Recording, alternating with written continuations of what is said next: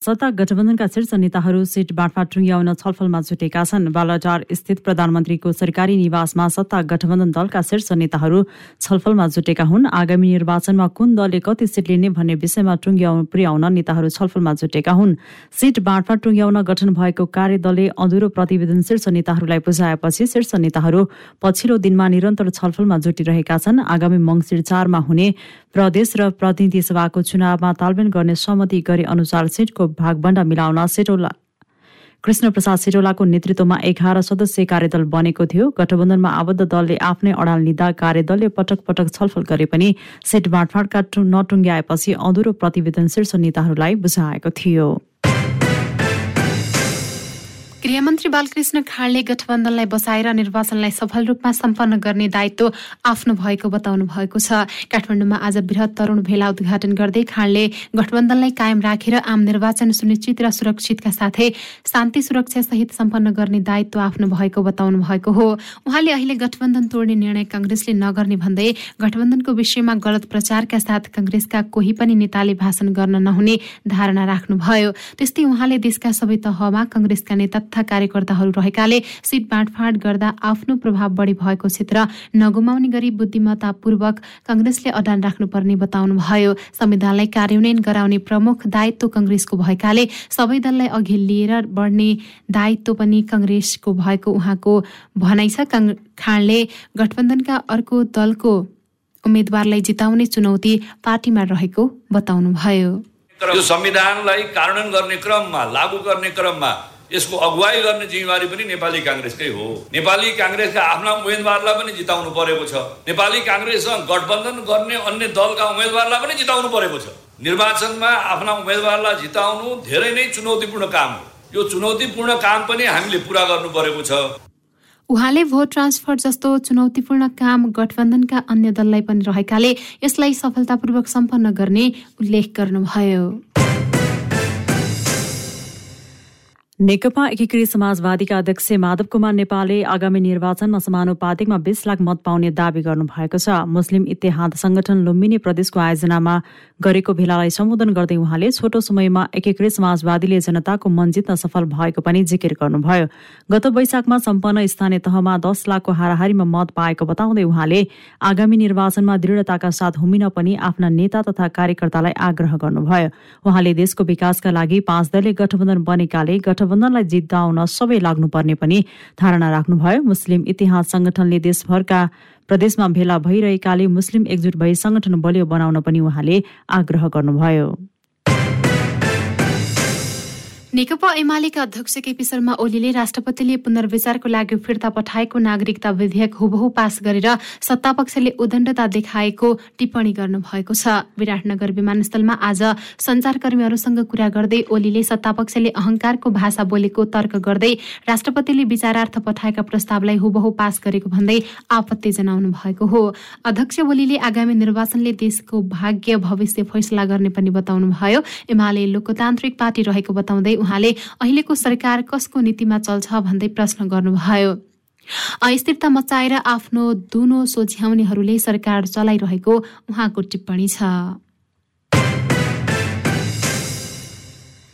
प्रतिनिधि सभा अन्तर्गतको कानून न्याय तथा मानव अधिकार समितिले बेपत्ता पारिएका व्यक्तिको छानबिन सत्य निरूपण तथा मेलमिलाप आयोग ऐन दुई हजार एकहत्तरलाई संशोधन गर्न बनेको विधेयकका सम्बन्धमा प्राप्त भएका सुझावका आधारमा प्रतिवेदन तयार गर्ने भएको छ। सिंहदरबारमा आज बसेको समितिले सो विधेयकका बारेमा सरकारवालासँग छलफल गरेको थियो। भाद्र अठाइस गते मंगलबार बस्ने बैठकले प्रतिवेदनलाई अन्तिम रूप दिने समितिले जनाएको छ। विधेयकमाथि विभिन्न चरणमा एक सय छयत्तर संशोधन परेका थिए। आजको बैठकमा वरिष्ठ अधिवक्ता सुनिल पोखरेलले विगतको द्वन्द्वको घाउ मेटाउने सन्दर्भमा परिपूर्ण सहित पीडितलाई न्याय दिलाएर समाजमा शान्ति कायम गर्ने उद्देश्यका साथ विधेयकलाई अघि बढाउनु पर्नेमा जोड़ दिनु भएको थियो। उहाँले संक्रमणकालीन न्यायका विषयमा पीडितका धेरै मागहरू आइरहेको भन्दै सो मागहरूलाई पनि विधेयक मार्फत सम्बोधन गर्न जरुरी रहेको धारणा राख्नु भएको थियो। राष्ट्रिय प्रजातन्त्र पार्टी नेपालका अध्यक्ष कमल थापाले नेकपा एमालेलाई हराउन विदेशीहरू लागेको बताउनु भएको छ। रापरवा नेपालले आज हेटौँडामा आयोजना गरेको कार्यकर्ता भेलालाई सम्बोधन गर्दै अध्यक्ष थापाले नेकपा एमाले नेतृत्वको सरकारले आफ्नो भूभाग समेटेर चुच्ची नक्सा निकालेपछि रुष्ट भएको विदेशी शक्तिले एमाले सरकार ढालेको थापाको ठोकुवा छ। कार्यकर्ता भेलामा थापाले राष्ट्रवादी छवि बनाएको एमालेलाई पराजित गर्न ती बाहिरी शक्ति मिलेर गठबन्धन निर्माण गरेको दावी गर्नुभयो। आफू केपी शर्मा ओलीको नेतृत्वको सरकारमा परराष्ट्र मन्त्री भएको समयमा भारत तथा संयुक्त राष्ट्र संघको बैठकमा नाकाबन्दी विरुद्ध कडा रूपमा उभिएको कारण रापरवालाई समेत बाहिरी शक्तिले तहस नहस गरिदिएको थापाले आरोप समेत लगाउनुभयो। नेकपा एमालेका वरिष्ठ उपाध्यक्ष ईश्वर पोखरेलले अहिलेको गठबन्धनसँग कुनै सिद्धान्त र गन्तव्य नै नभएको बताउनु भएको छ। एमाले मोरङ काठमाडौँ सम्पर्क मञ्चले आज आयोजना गरेको कार्यक्रममा पोखरेलले गठबन्धन एमालेको विरोध गर्न मात्रै भएको र यसको कुनै सिद्धान्त र गन्तव्य नै नभएको बताउनु भएको हो। उहाँले आगामी निर्वाचनमा गठबन्धनको सबै षड्यन्त्रलाई चिर्दै एमाले बहुमत ल्याउने पनि दावी गर्नुभयो। अहिलेको तथ्यले प्रतिनिधि सभा र प्रदेशसभामा बहुमत ल्याउने देखिएको पनि उहाँले भनाइराख्नुभयो। त्यस्तै पोखरेलले अहिलेको आवश्यकता अनुसारकै स्थानमा केही दलहरूसँग चुनावी तालमेल हुन सक्ने तर गठबन्धन नै बनाएर अघि नबढ्ने पनि धारणा राख्नुभयो। पोखरेलले नेपालको स्वाभिमानमाथि कसैले गलत नजर लगाउन नसक्ने कुरा एमाले नै स्थापित गरेको पनि जिकिर गर्नुभयो। न विचार न दृष्टिकोण न कार्यक्रम न कुनै गन्तव्य। यो एमाले विरोधी अपराधीहरूको षड्यन्त्रपूर्ण डफा हो यो। यो एकदम षड्यन्त्रकारीहरूको डफा हो। एमालेको विरोधमा केन्द्रित भएर निर्माण भएको यो गठबन्धन हो। प्रतिनिधि सभामा होस् वा प्रदेश सभामा होस् यसमा बुझ्नुपर्ने कुरा के छ भने टिकट त्यसले पाउनुपर्छ जसले चुनाव जित्छ।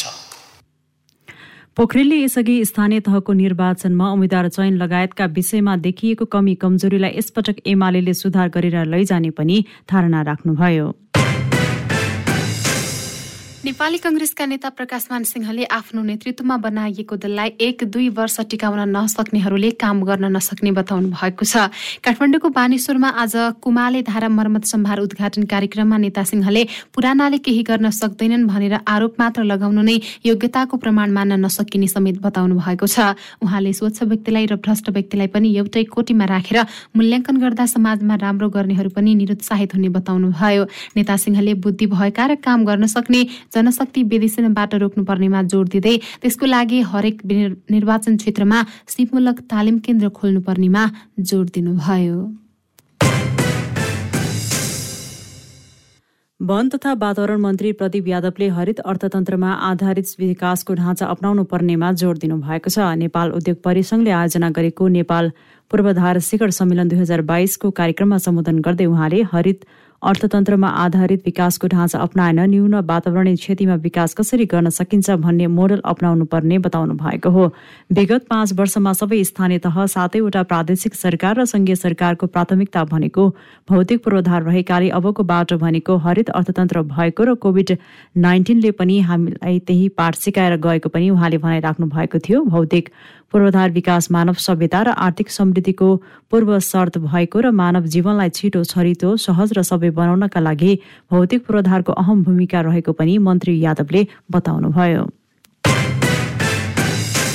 शिक्षा तथा विज्ञान प्रविधि मन्त्री देवेन्द्र पौडेलले माओवादीले ल्याएको प्रणालीमा अरूले रजाई गरेकाले समस्या भएको बताउनु भएको छ। गण्डकी प्रदेशको पोखरामा आयोजित कार्यक्रममा सम्बोधन गर्दै मन्त्री पौडेलले यस्तो बताउनु भएको हो।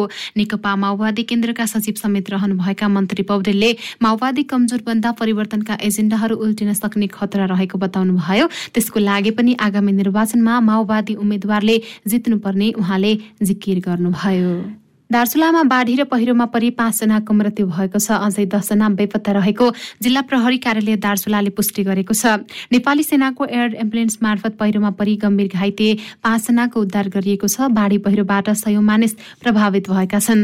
घाइतेको उद्धारमा हेलिकप्टर परिचालन गरिएको छ। मृत्यु हुनेमा नौगाड गाउँपालिका वडा नम्बर एक सल्लाहका सैतिस वर्षीय जानकी ठगुन्ना तेह्र वर्षीय धनुली ठगुन्ना र वडा नम्बर दुईका मोहन राम पार्की महाकाली नगरपालिका तीन डुङ्ग्रीका मानमती कार्की र दुईका नन्दराम बोहरा रहेका छन्। सुर्खेतबाट गएको नेपाली सेनाको एयर एम्बुलेन्स मार्फत नौगाड गाउँपालिका एक सल्लाहका गम्भीर घाइते पैँतालिस वर्षीय वीरेन्द्र ठगुन्ना चालिस वर्षीय जयबहादुर ठगुन्ना पैँतिस वर्षीय फागुनी ठगुन्ना सोही ठाउँका तीस वर्षीय रम्भादेवी ठगुन्ना र तीस वर्षीय देवसिंह ठगुन्नालाई उद्धार गरी दार्चुला सदरमुकाम खलङ्गा पुर्याइएको जिल्ला प्रहरी कार्यालय दार्चुलाले जनाएको छ। गम्भीर घाइते सबैको अहिले जिल्ला अस्पताल दार्चुलामा उपचार भइरहेको छ। गैराती लगातारको वर्षाले जिल्लाका विभिन्न स्थानमा क्षति पुर्याएको छ। दार्चुलाको बाढी पहिरो प्रभावित क्षेत्रमा राहत लिएर मन्त्री सहितको टोली पुगेको छ। उद्योग वाणिज्य तथा आपूर्ति मन्त्री दिलेन्द्र बडो सुदूरपश्चिम प्रदेशका आन्तरिक मामिला तथा कानून मन्त्री डाक्टर रणबहादुर रावल वन मन्त्री मानबहादुर धामी सहितको टोली बाढी पहिरो प्रभावित क्षेत्रमा पुगेको हो। काठमाडौँमा साई युवा शक्ति नेपालले राजतन्त्र पुनर्स्थापनाको माग गर्दै धरना दिएका छन्। नारायण दरबार अगाडि आज उनीहरूले राजतन्त्र पुनर्स्थापनाको माग गर्दै प्रदर्शन गरेका हुन्। उनीहरूले गणतान्त्रिक व्यवस्था खारेज गरौं राजतन्त्र जिन्दाबाद भ्रष्ट नेता मुर्दाबाद लगायतका नारासहित विरोध प्रदर्शन गरेका थिए। उनीहरूले नागरिकता विधेयक अहिले जबरजस्ती ल्याइएको भन्दै नागरिकता विधेयक राष्ट्रघाती भएकोले समर्थन गर्न नसक्ने पनि बताएका थिए। उनीहरूले अहिले विदेशीको इसारामा देश लुट्ने शासन चलिरहेको भन्दै आपत्ति समेत जनाएका थिए। नेपालमा थप एक सय त्रिसठी जनामा कोरोना संक्रमण पुष्टि भएको छ। देशभर गरिएको एक हजार सात सय अठार पिसिआर परीक्षणका क्रममा एक सय बाह्र जना र दुई हजार अठाइस एन्टिजेन परीक्षणका क्रममा एकाउन्न जनामा कोरोना संक्रमण पुष्टि भएको हो। त्यसै गरी थप एक सय तीस जना निको भएका छन्। हाल नेपालमा दुई हजार चार सय तीस सक्रिय संक्रमित आइसोलेसनमा रहेको स्वास्थ्य तथा जनसङ्ख्या मन्त्रालयले जनाएको छ। गोर्खा जिल्लाको चुमनुब्री गाउँपालिका तीन अन्तर्गतका विभिन्न ठाउँमा दुई सातादेखि विद्युत सेवा अवरुद्ध भएको छ। साविक श्रीतिवास गाउँपालिका गाविसका जगत सल्लेरी श्रीतिवास घट्टे खोला नास नागसेत लगायतका गाउँबस्तीका बासिन्दा दुई सातादेखि विद्युतीय सेवाविहीन भएका हुन् भालुवा खोला भालु खोला पावर हाउसमा समस्या आएपछि गत भदौको तेह्र गतेदेखि उक्त क्षेत्रमा विद्युत सेवा अवरुद्ध भएको हो। अहिले पर्यटकको सिजन सुरु भएको छ तर विद्युत र सञ्चार सम्पर्क विच्छेद हुनुपर्दा समस्या भएको स्थानीयहरूको गुनासो छ। विद्युत सेवा अवरुद्ध हुँदा मिल तथा अन्य घरेलु उद्योगहरू बन्द भएका छन्। मर्मत सम्भारका लागि धेरै पटक अनुरोध गरेको भए पनि अहिलेसम्म मर्मत हुन नसकेको स्थानीयले बताएका छन्। नुवाकोटको त्रिशुली अस्पतालले आर्थिक रूपमा विपन्न तथा आकस्मिक उपचार गर्नुपर्ने बिरामीका लागि रगत र रक्ततत्व निशुल्क उपलब्ध गराउन शुरू गरेको छ। त्रिशुली अस्पतालका मेडिकल सुपरिन्टेन्डेन्ट डाक्टर दिपेन्द्र पाण्डेका अनुसार हिजोदेखि लागू हुने गरी विपन्न र आकस्मिक उपचार गर्नुपर्ने बिरामीलाई चाहिने रगत र रगत तत्व निशुल्क रूपमा उपलब्ध गराउन सुरु गरेको हो। त्यस्ता बिरामीका लागि रगत परीक्षण बापत लाग्ने शुल्क समेत नलाग्ने अस्पतालका मेसु डाक्टर पाण्डेले जारी गरेको विज्ञप्तिमा उल्लेख गरेको छ रगतको समूह परीक्षण र प्रशोधन बापत प्रति प्रिन्ट आठ सय पचास रुपियाँ शुल्क लाग्ने भए पनि आर्थिक अवस्था कमजोर भएका विपन्न वर्ग सवारी लगायतका विभिन्न दुर्घटनामा परेर व्यक्तिका लागि सेवा निशुल्क गरिएको बताइएको छ। त्रिशुली अस्पतालमा कोरोना र डेङ्गु रोगको परीक्षण सेवा निशुल्क उपलब्ध गराइएको छ। अबदेखि लक्षित वर्गका लागि रगतको परीक्षण र रगत समेत निशुल्क उपलब्ध गराउन सुरु गरिएको छ। चिनिया नाकामा अड्किएका अर्बौंका सामान छुट्याउन राज्यका तर्फबाट पहल नभएको भन्दै नेपाल राष्ट्रिय व्यवसायी महासंघले आपत्ति जनाएको छ। उद्योगी व्यवसायीहरूका समस्या समाधान गर्न चासो नदेखाएको भन्दै महासंघले आज प्रेस विज्ञप्ति जारी गर्दै सरकारको ध्यान आकर्षण गराएको हो। नेपालीहरूको ठूलो चाड दश दशैं नजिकिँदै गर्दा बेच्नुपर्ने सामान नाकामै रोकिँदा अर्बौंको सामान सडेर बिग्रने अवस्थामा पुगेको महासंघका अध्यक्ष कुमार कार्कीले बताउनुभयो संयन्त्रका कारण उत्तरी नाकामा भइरहेको अघोषित नाकाबन्दीको प्रत्यक्ष मार भने व्यवसायले भोग्नु परेको जारी गरेको विज्ञप्तिमा भनिएको छ। अहिले नाकामा सयौं मालवाहक कन्टेनरहरू थन्केर बस्दा चाडपर्व केन्द्रित अर्बौंका सामानहरू सडिने कुहिने र बिग्रिने भई नोक्सान भएको छ। ब्याङ्कले दिएको मानसिक तनावका कारण कतिपय उद्योगी व्यवसायीहरूले आत्महत्याको बाटो रोज्न बाध्य भएको भन्दै महासंघले त्यसतर्फ गम्भीर बन्न समेत सरकारलाई अनुरोध गरेको छ। महासंघले ती समस्याहरू तत्काल समाधान गर्न पहल गरिदिन पनि सरकारसँग अनुरोध गरेको छ। धेरै उद्योगी व्यवसायीहरू ब्याङ्कको ब्याजदर तिर्न समेत नसक्ने अवस्थामा पुगेको महासंघले जनाएको छ। ऊर्जा मन्त्री पम्फा भूषालले सरकारले बङ्गलादेशलाई विद्युत निर्यातको लागि तयारी गरिरहेको बताउनु भएको छ। चितवनमा आज पत्रकारहरूसँग कुरा गर्दै मन्त्री भूषालले यसै वर्ष बङ्गलादेशलाई विद्युत निर्यात गरिने दावी गर्नुभयो। जलविद्युत उत्पादनमा साझेदारी गर्न सहमति भएको यसै वर्षदेखि पचास मेगावाट विद्युत बङ्गलादेश निर्यात हुने उहाँले बताउनु भएको हो। ऊर्जालाई उत्पादनको माध्यम बनाउन लागि र गरिबीको रेखामुनि रहेका जनतालाई निशुल्क जस्तै रहेको उहाँले जिकिर गर्नुभयो। उहाँले घराइसी प्रयोजनको लागि मूल्य घटाइएको छ भने कृषि र सिँचाइमा पचहत्तर प्रतिशत महसुल घटाइएको उल्लेख गर्नुभयो।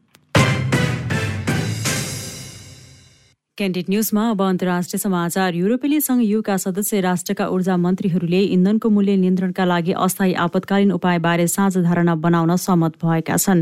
चेक गणतन्त्रका उद्योग तथा व्यापार मन्त्री जोजेफ सेकेलाले जर्मनीको ब्रजेल्समा भएको ऊर्जा परिषदको विशेष बैठकपछि मन्त्रीहरूले युरोपेली आयोगलाई केही दिनभित्रै बलियो र ठोस प्रस्ताव पेश गर्ने जिम्मेवारी दिनुभएको छ। मन्त्रीहरूले चार मुख्य क्षेत्रहरू पहिचान गरी सदस्य राष्ट्रहरूले आयोगले कम उत्पादन लागतको सामना गर्न बिजुली उत्पादकहरूको राजस्व सीमित गर्ने ग्यास मा सम्भावित मूल्य सीमा युभर लाभान्वित बिजुली माग घटाउने लगायतका मुद्दा समाधान गर्न मद्दत गर्ने विश्वास गरेका छन्। मन्त्रीहरूले यस महिनाको अन्त्यमा पुनः बैठक बसेर अन्तिम योजनाहरूबारे छलफल गर्न र प्रस्तावहरू पारित गर्ने अपेक्षा गरिएको छ। न्युजिल्यान्डमा होइलसँग ठोकिएर डुङ्गा पल्टिँदा पाँचजनाको मृत्यु भएको छ। काइकोरा सहर नजिकै रहेको गुजोबेमा आज ढुङ्गा पल्टिँदा पाँचजनाको मृत्यु भएको हो। ढुङ्गामा एघारजना अवलोकनकर्ता सवार रहेको अन्तर्राष्ट्रिय सञ्चार माध्यमले जनाएका छन्। प्रहरीले दुर्घटना के कारणले भएको हो भन्ने बारे अनुमान गर्न अस्वीकार गरेको छ भने व्हेल ठोकिएको पुष्टि गरेको अन्तर्राष्ट्रिय समाचार माध्यमले जनाएका छन्। घटनामा बाँच्न सफल ढुङ्गाका क्याप्टेनसहित उद्धार क्याप्टेन सहितको उद्धार गरिएको र अन्यको उपचार भइरहेको छ। उनीहरूको उद्धारमा तीनवटा हेलिकप्टर प्रयोग गरिएको थियो। त्यस्तो प्रकृतिको दुर्घटना यस क्षेत्रमा यसअघि नभएको र हालका दिनहरूमा सो क्षेत्रमा व्हेलको संख्या बढ्नु चिन्ताको विषय भएको अधिकारीहरूले जनाएका छन्। बेलायतका नयाँ राजा चार्ल्स तृतीयले राजाको जिम्मेवारी सम्हालेपछि पहिलो सम्बोधन गर्नुभएको छ। राष्ट्रका नाममा सम्बोधन गर्दै उहाँले आफू पनि आफ्नै आमाले झैँ आफ्नो जीवन पुरै सेवामा समर्पित गर्ने घोषणा गर्नुभएको छ। बेलायती महारानी एलिजाबेथ द्वितीयको गत बिहिबार निधन भएपछि उहाँका जेठा छोरा चार्ल्स तृतीयले राजाको जिम्मेवारी पाउनु भएको हो। उहाँले आफ्नै आमालाई आफू र आफ्नो परिवारका लागि प्रेरणा र उदाहरणको पात्रको रूपमा चित्रित गर्नुभयो। अहिले आफूहरूसँगै बेलायतका बासिन्दा राष्ट्र प्रमुख रहेका सबै देशहरू राष्ट्रमण्डल र विश्वभरका शुभेच्छकहरू पनि दुखी रहेको राजा चार्ल्सले सबैप्रति कृतज्ञता समेत व्यक्त गर्नुभएको छ। एक शासकका रूपमा महारानी एलिजाबेथ द्वितीयको समर्पण र प्रतिबद्धतामा जीवनभरि कहिले कमी नभएको पनि उहाँले उल्लेख गर्नुभएको छ। क्यान्डिड न्युजमा अब खेलकुदका समाचार बहराइनमा आयोजना हुने AFC under twenty Asian cup छनौटको पहिलो खेलमा नेपालले आज भुटानको सामना गर्दैछ। Sheikh Ali bin Mohammed Al Khalifa स्टेडियममा नेपालले आज राति पाउने नौ बजे भुटानको सामना गर्ने भएको हो। छनौटको समूह बीमा रहेको नेपाल भुटानलाई हराएर सुखद सुरुवात गर्ने योजनामा रहेको छ। भुटान पनि नेपाललाई हराएर विजय सुरुवात गर्न चाहन्छ। नेपाली अन्डर ट्वेन्टी राष्ट्रिय फुटबल टिमका मुख्य प्रशिक्षक मेघराज केसीले प्रतियोगिताका लागि टिमको तयारी राम्रो रहेको बताएका छन्। नेपालको आधिकारिक फ्रेन्चाइज क्रिकेट प्रतियोगिता नेपाल टी ट्वेन्टी लिगमा सहभागिता जनाउने छ टोलीले मार्की खेलाडी अनुबन्ध गरेको छ। नेपाल क्रिकेट संख्याले खेलाडी ड्राफ्टबाट आज छ टोलीले पहिलो चरणमा मार्की खेलाडी अनुबन्ध गरेको जनाएको हो। पहिलो संस्करणको प्रतियोगितामा Kathmandu Kantipur Lumbini All Stars Biratnagar Super Kings Janakpur Royals Pokhara Avengers र फार वेस्ट युनाइटेडले प्रतिस्पर्धा गर्नेछन्। काठमाडौँ कान्तिपुरले मार्की खेलाडीमा ज्ञानेन्द्र मल्ल लुम्बिनीले दिपेन्द्र सिंह ऐरी विराटनगरले रोहित पौडेल जनकपुरले सुम्पाल कामी पोखराले आसिफ शेख र फार वेस्टले करण केसीलाई मार्की खेलाडीमा चयन गरेको छ। ड्राफ्टबाट सबै टोलीले ए श्रेणीका खेलाडीलाई पन्ध्र लाखमा अनुबन्ध गरेको हो। यस्तै पोखराले ए श्रेणीका खेलाडी शरद भेसवाकरलाई अनुबन्ध गरेको छ। र बङ्गलादेश छैटौँ संस्करणको महिला साप च्याम्पियनसिप फुटबलको सेमी फाइनल नजिक पुगेको छ। काठमाडौँका त्रिपुरेश्वर स्थित दशरथ रङ्गशालामा आज दिउँसो भएको खेलमा पाकिस्तानलाई छ शून्य गोलको फराकिलो अन्तरले हराउँदै बङ्गलादेश अन्तिम चारको नजिक पुगेको हो। बङ्गलादेशको फराकिलो जितमा कप्तान सबिना खातुनले ह्याट्रिक गोल गरिन्। यसै गरी मोनिका चम्का चकमा मोसामत सोपना र ऋतु पोर्नाले एक एक गोल गरिन्। बङ्गलादेश छैटौँ संस्करणको महिला साप च्याम्पियनसिप फुटबलको सेमी फाइनल नजिक पुगेको हो। सबिना जारी महिला साफमा ह्याट्रिक गर्ने पहिलो खेलाडी हुन् भने सर्वाधिक गोल गर्ने सूचीमा उनी शीर्ष स्थानमा छिन्। सबिनाले पाँच गोल गरिसकेकी छिन्। बंगलादेशको यो लगातार दोस्रो जित हो। पाकिस्तानको भने यो लगातार दोस्रो हार हो। यस जितसँगै समूह एकको बंगलादेशले दुई खेलमा छ अङ्क जोडेको छ। बंगलादेश शीर्ष स्थानमा उक्लिएको छ। पाकिस्तान दुई खेलमा अङ्कविहीन रहँदै पुछारमा रहेको छ। प्रतियोगिता अन्तर्गत साबिक विजेता भारत र मालदिप्सबीच प्रतिस्पर्धा भइरहेको छ।